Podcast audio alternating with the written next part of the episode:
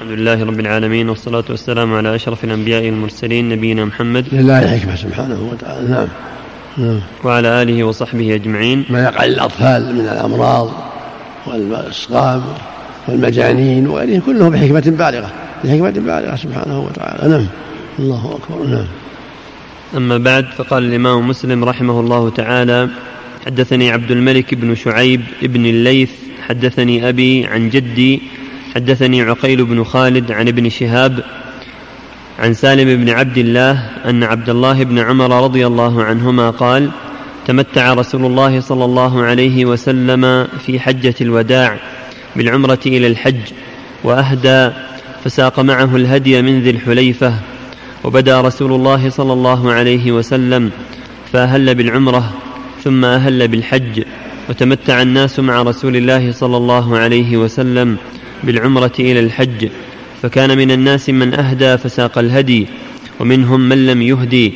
فلما قدم رسول الله صلى الله عليه وسلم مكة قال للناس من كان منكم أهدى فإنه لا يحل من شيء منه حتى يقضي حجه ومن لم يكن منكم أهدى فليطف بالبيت وبالصفا والمروة وليقصر وليحلل ثم ثم ليهل بالحج وليهدي.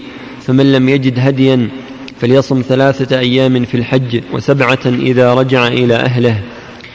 وطاف رسول الله صلى الله عليه وسلم حين قدم مكة فاستلم الركن أول شيء ثم خب ثلاثة أطواف من السبع ومشى أربعة أطواف ثم ركع. حين قضى طوافه بالبيت عند المقام ركعتين ثم سلم فانصرف فات الصفا فطاف بالصفا والمروة سبعة أطواف ثم لم يحلل من شيء حرم منه حتى قضى حجة.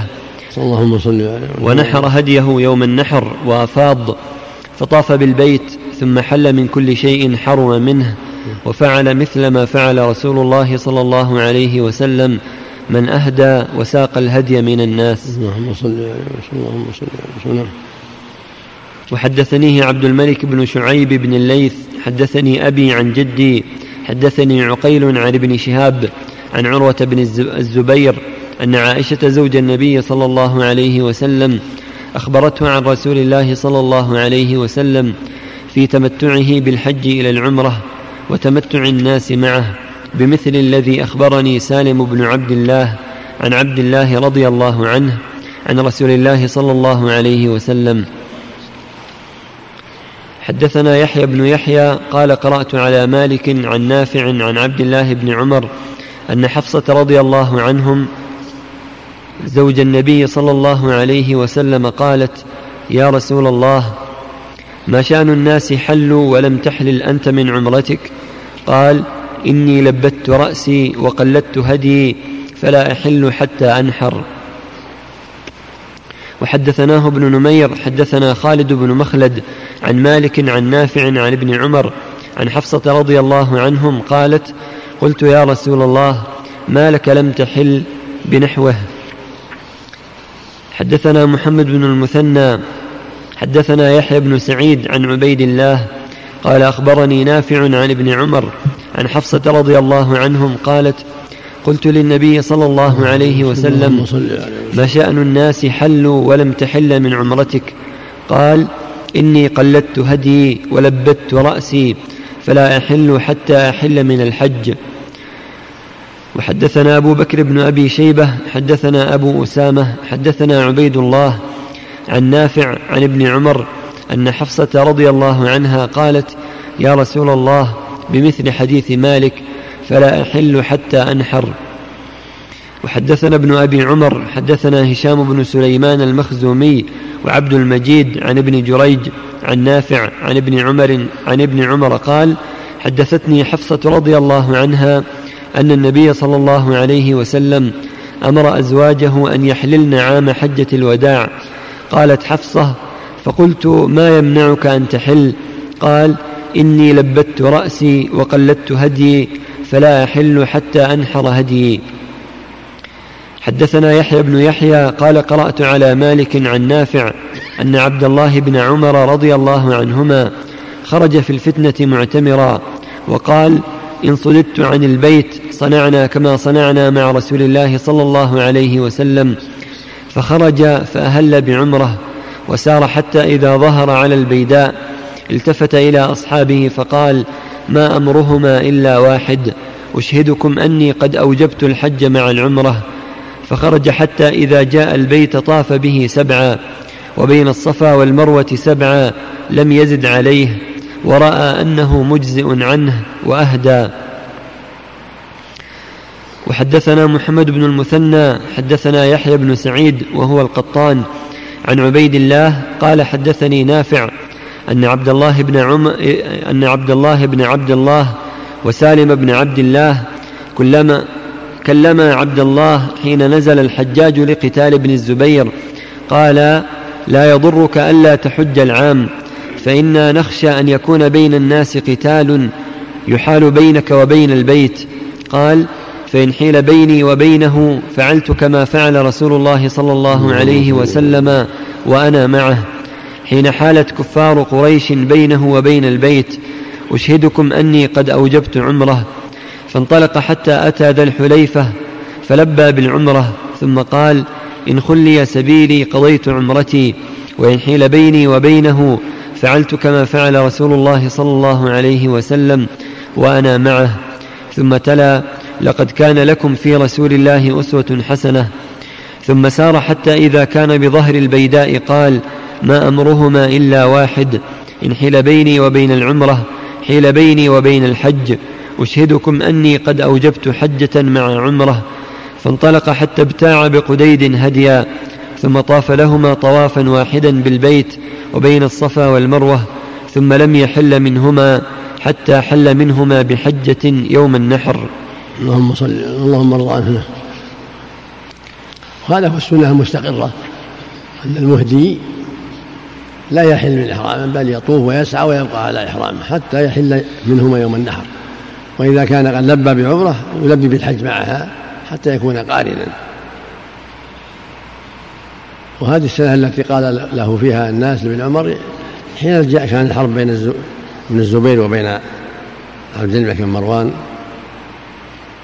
قالوا نخشى أن أن تصد عن البيت سنة 72 فلهذا قال ما قال رضي الله عنه. نعم. بارك الله فيك المحصر. يلزم بأن ينحر الهدي داخل الحرم. نعم المحصر. فيه يلزم بأن ينحر الهدي داخل الحرم. نعم أن ينحر الهدي داخل الحرم. في محله يا يا يا المحصر يذبح في محله اللي يحصر فيه. حتى لو خارج الحرم. لا لو خارج الحرم. نعم. النبي ذبح في خارج الحرم. الحديبية نعم. ولا حتى يبلغ هدي محله. مع القدرة. من محله يعني الذبح هذا المراد الذبح. نعم. فإن أحصيتوا فبس هذا. ولا تحرقوا المحلة وهذا يعني لا تحلق لا تقصروا ولا تحلقوا حتى حتى ينحر المحصر يبدأ بالنحر أول ثم يحلق. نعم. هذه في المحصر نعم, نعم.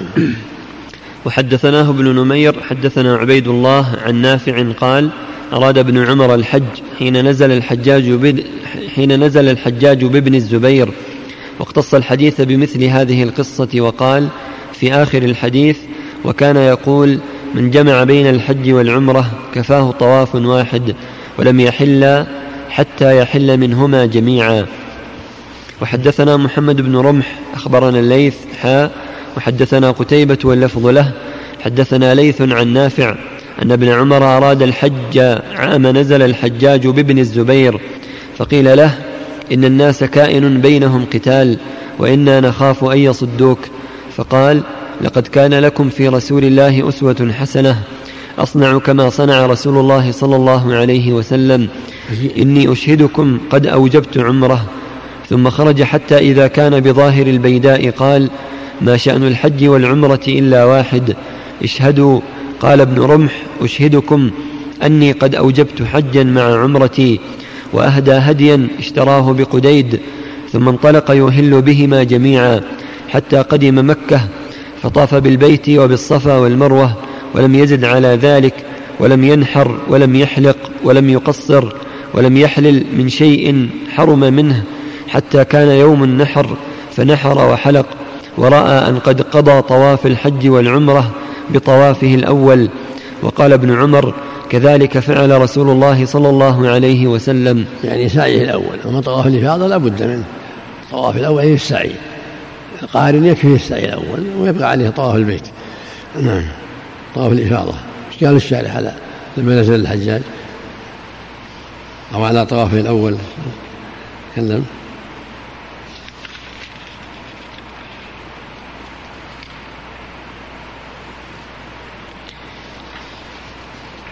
قال في هذا الحديث جواز القران وجواز إدخال الحج على العمرة قبل الطواف وهو مذهبنا ومذهب جماهير العلماء وسبق بيان المسألة وفيه جواز التحلل بالإحصار. بس فقط.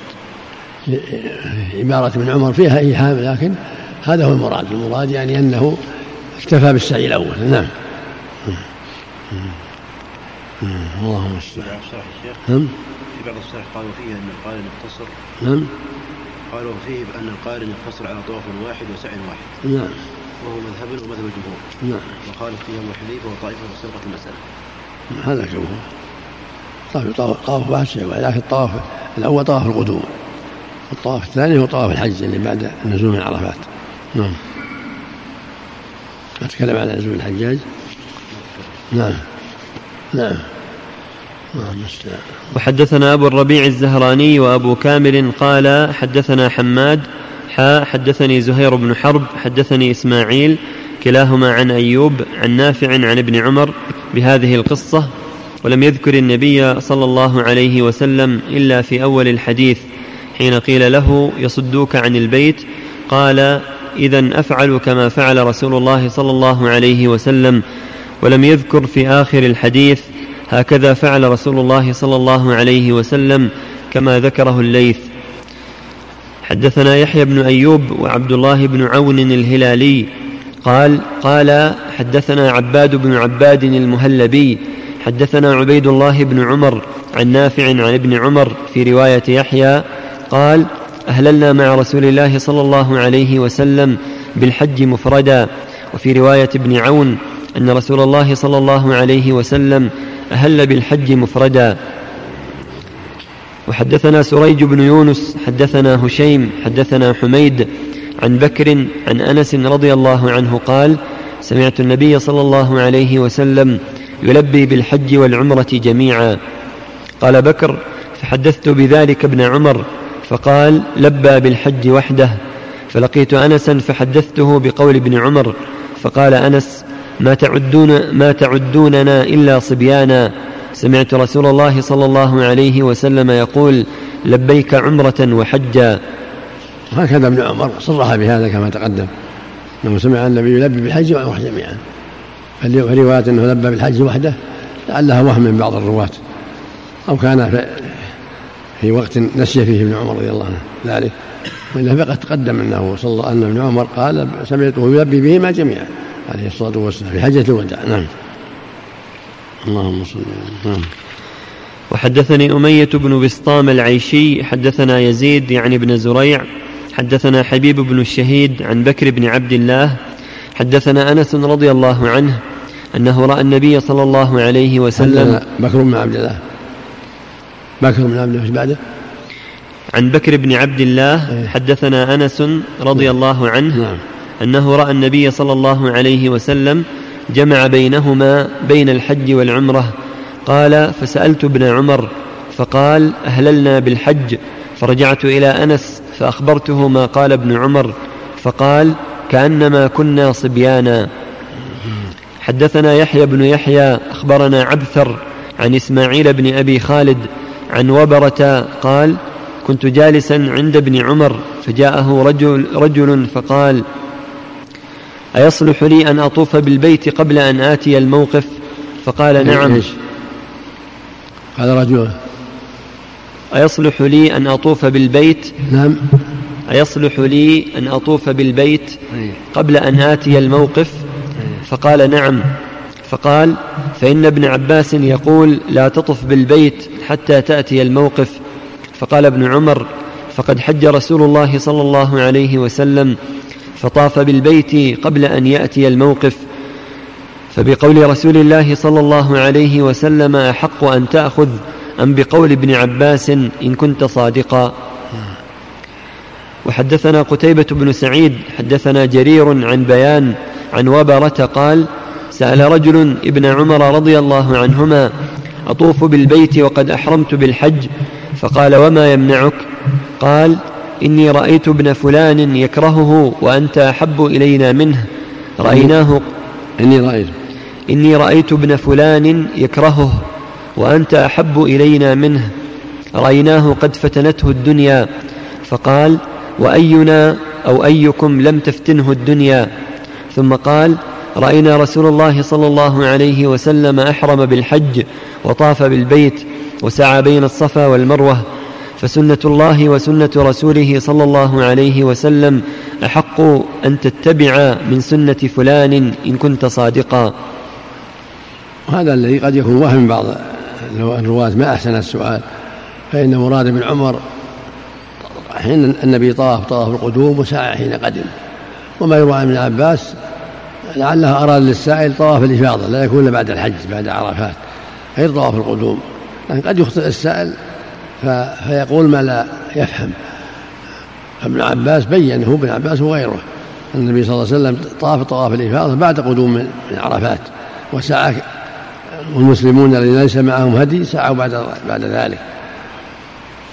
فمراد من قال لا يطوف إلا بعد الحج يعني طواف الإفاضة. لا يطوف إلا بعد عرفة يعني طواف الإفاضة. أما طواف القدوم طواف العمرة كل هذا قبل ذلك. ولا منافاة بين الأحاديث. فالرسول صلى الله عليه وسلم طاف قبل الحج طواف القدوم مع السعي ثم لما فرغ من الحج ذهب إلى مكة يوم العيد وطاف طواف الإفاضة. ولا منافاه نعم. لكن قد يؤتى السائل من جهة عدم فهمه لما سأل عنه وقد يؤتى من عدم فهمه لما لجوابه نعم. حدثني زهير بن حرب حدثنا سفيان سفيان بن عيينة عن عمرو بن دينار قال سألنا ابن عمر عن رجل قدم بعمرة فطاف بالبيت ولم يطف بين الصفا والمروة أيات امرأته؟ فقال قدم رسول الله صلى الله عليه وسلم فطاف بالبيت سبعا وصلى خلف المقام ركعتين وبين الصفا والمروة سبعا وقد كان لكم في رسول الله أسوة حسنة. حدثنا يحيى بن يحيى وأبو الربيع الزهراني عن حماد بن زيد حاء وحدثنا عبد بن حميد أخبرنا محمد بن بكر أخبرنا ابن جريج جميعا عن عمرو بن دينار عن ابن عمر رضي الله عنهما عن النبي صلى الله عليه وسلم نحو حديث ابن عيينة. وحدثني هارون بن سعيد الأيلي حدثنا ابن وهب أخبرني عمرو وهو ابن الحارث عن محمد بن عبد الرحمن أن رجلا من أهل العراق قال له سلي عروة بن الزبير عن رجل يهل بالحج فإذا طاف بالبيت أيحل أم لا؟ فإن قال لك لا يحل فقل له إن رجلا يقول ذلك. قال فسألته فقال لا يحل من أهل بالحج إلا بالحج. قلت فإن رجلا كان يقول ذلك. قال بئس ما قال. فتصداني الرجل فسألني فحدثته. فقال فقل له فإن رجلا كان يخبر أن رسول الله صلى الله عليه وسلم قد فعل ذلك وما شأن أسماء والزبير قد فعل ذلك. قال فجئته فذكرت له ذلك. فقال من هذا؟ فقلت لا أدري. قال فما باله لا يأتيني بنفسه يسألني أظنه عراقيا. قلت لا أدري. قال فإنه قد كذب. قد حج رسول الله صلى الله عليه وسلم فأخبرتني عائشة رضي الله عنها أنه أول شيء بدأ به حين قدم مكة أنه توضأ ثم طاف بالبيت ثم حج أبو بكر فكان أول شيء بدأ به الطواف بالبيت ثم لم يكن غيره ثم عمر مثل ذلك ثم حج عثمان فرأيته أول شيء بدأ به الطواف بالبيت ثم لم يكن غيره ثم معاوية وعبد الله بن عمر ثم حججت مع أبي الزبير بن العوام فكان أول شيء بدأ به الطواف بالبيت ثم لم يكن غيره ثم رأيت المهاجرين والأنصار يفعلون ذلك ثم لم يكن غيره ثم آخر من رأيت فعل ذلك ابن عمر ثم لم ينقضها بعمرة. وهذا ابن عمر عندهم أفلا يسألونه ولا أحد ممن, مض ممن مضى. ما كانوا يبدأون بشيء حين يضعون أقدامهم أول من الطواف بالبيت ثم لا يحلون.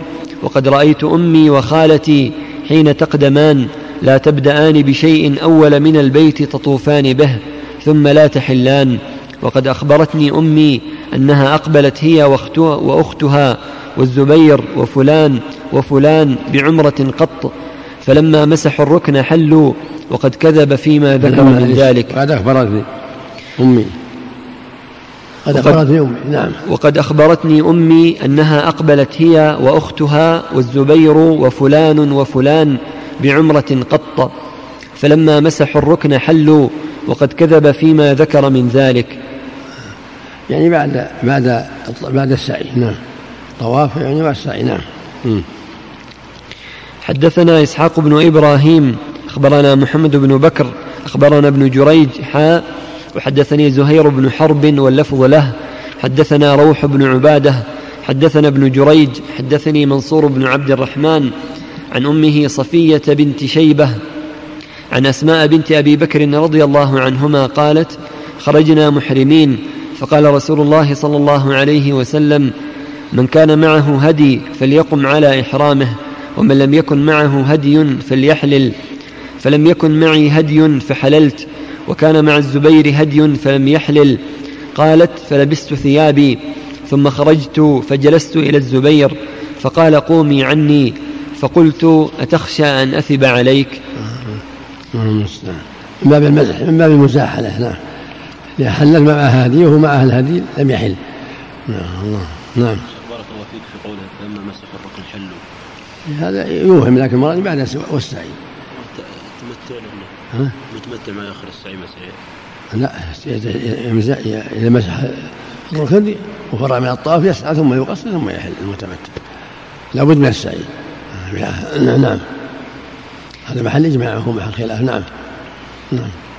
وحدثني عباس بن عبد العظيم العنبري حدثنا أبو هشام المغيرة بن سلمة المخزومي حدثنا وهيب حدثنا منصور بن عبد الرحمن عن أمه عن أسماء بنت أبي بكر رضي الله عنهما قالت قدمنا مع رسول الله صلى الله عليه وسلم مهلين بالحج ثم ذكر بمثل حديث ابن جريج غير أنه قال فقال استرخي عني استرخي عني فقلت أتخشى أن أثب عليك؟ من باب المزاح تمزح عليه رضي الله عنها وأسماء هي زوجته أخت عائشة. لم تكن لم يكن معها هادي وأزواج النبي كلهم معهم هادي حلوا. إلا عائشة لم تحل من أجل الحيض. وأسماء معهم أخت عائشة زوجة الزبير. الزبير معه هدي وهي ما أهدت. فحلت ولم يحل له اللهم نعم.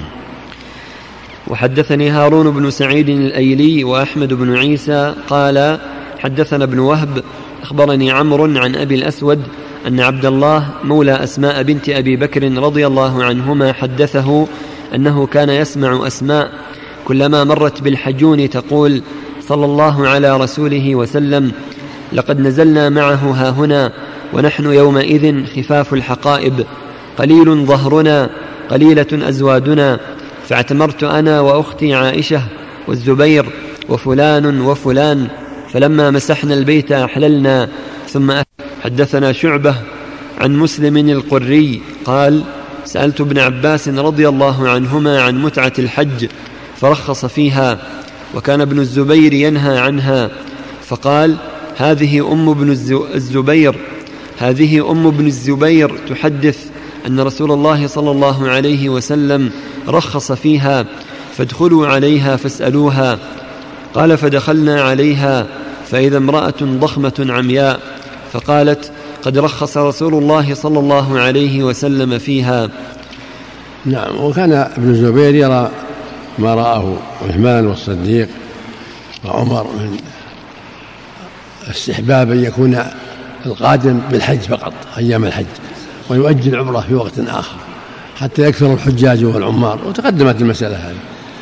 وتقدم ما قال ابن عباس يوشك أن تنزل حجرة من السماء. يقول وقال رسول الله وتقول قال هو أمر وأن السنة أن يقدم متمتعا ولو في أشهر الحج. لأن الناس ما كل أحد يستطيع أن يأتي في وقت آخر. فإذا أتى بعمرة ثم حج جمع بينهما والحمد لله. وكان الصديق وعمر وعثمان تبعهما استحب للناس أن يقدم بحج مفرد. أن الناس يقدموا بحج مفرد. والعمرة تكون في أوقات أخرى. حتى يكثر الحجاج والعمار. ولكن الصواب أن السنة يقدم بعمرة متمتعا بغير الحج. فيطوف ويسعى ويقصر ويحج كما أمر النبي الصحابة بذلك إلا من كان معه الهدي. ثم إذا جاء يوم يوم الثامن يوم التروية يلبي بالحج. هذا هو السنة. وهذا أيسر على الناس وأرفق بهم. وهو الذي فعله النبي صلى الله عليه وسلم وأمر به الصحابة. نعم. وحدثناه ابن المثنى حدثنا عبد الرحمن حاء. وحدثناه ابن بشار حدثنا محمد يعني بن جعفر. جميعا عن شعبة بهذا الإسناد. فأما عبد الرحمن ففي حديثه المتعة ولم يقل متعة الحج. وأما ابن جعفر فقال قال شعبة قال مسلم لا أدري متعة الحج أو متعة النساء. وحدثنا عبيد الله بن معاذ حدثنا أبي حدثنا شعبة حدثنا مسلم القري. سمع ابن عباس رضي الله عنهما يقول أهل النبي صلى الله عليه وسلم بعمرة وأهل أصحابه بحج فلم يحل النبي صلى الله عليه وسلم ولا من ساق الهدي من أصحابه وحل بقيتهم. فكان طلحة بن عبيد الله في من ساق الهدي فلم يحل. وكان فكان طلحة بن عبيد الله نعم. في من ساق الهدي فلم يحل. نعم. وحدثناه محمد بن بشار حدثنا محمد يعني بن جعفر حدثنا شعبة بهذا الإسناد غير أنه قال وكان ممن لم يكن معه الهدي طلحة بن عبيد الله ورجل آخر فأحلا وكان وكان ممن لم يكن معه الهدي طلحة بن عبيد الله ورجل آخر فأحلا لا وهم هذا وكان معه هدي فلم يحل. هذا وهم نعم. طلحة والزبير وجماعة كان معه الهدي كما تقدم نعم.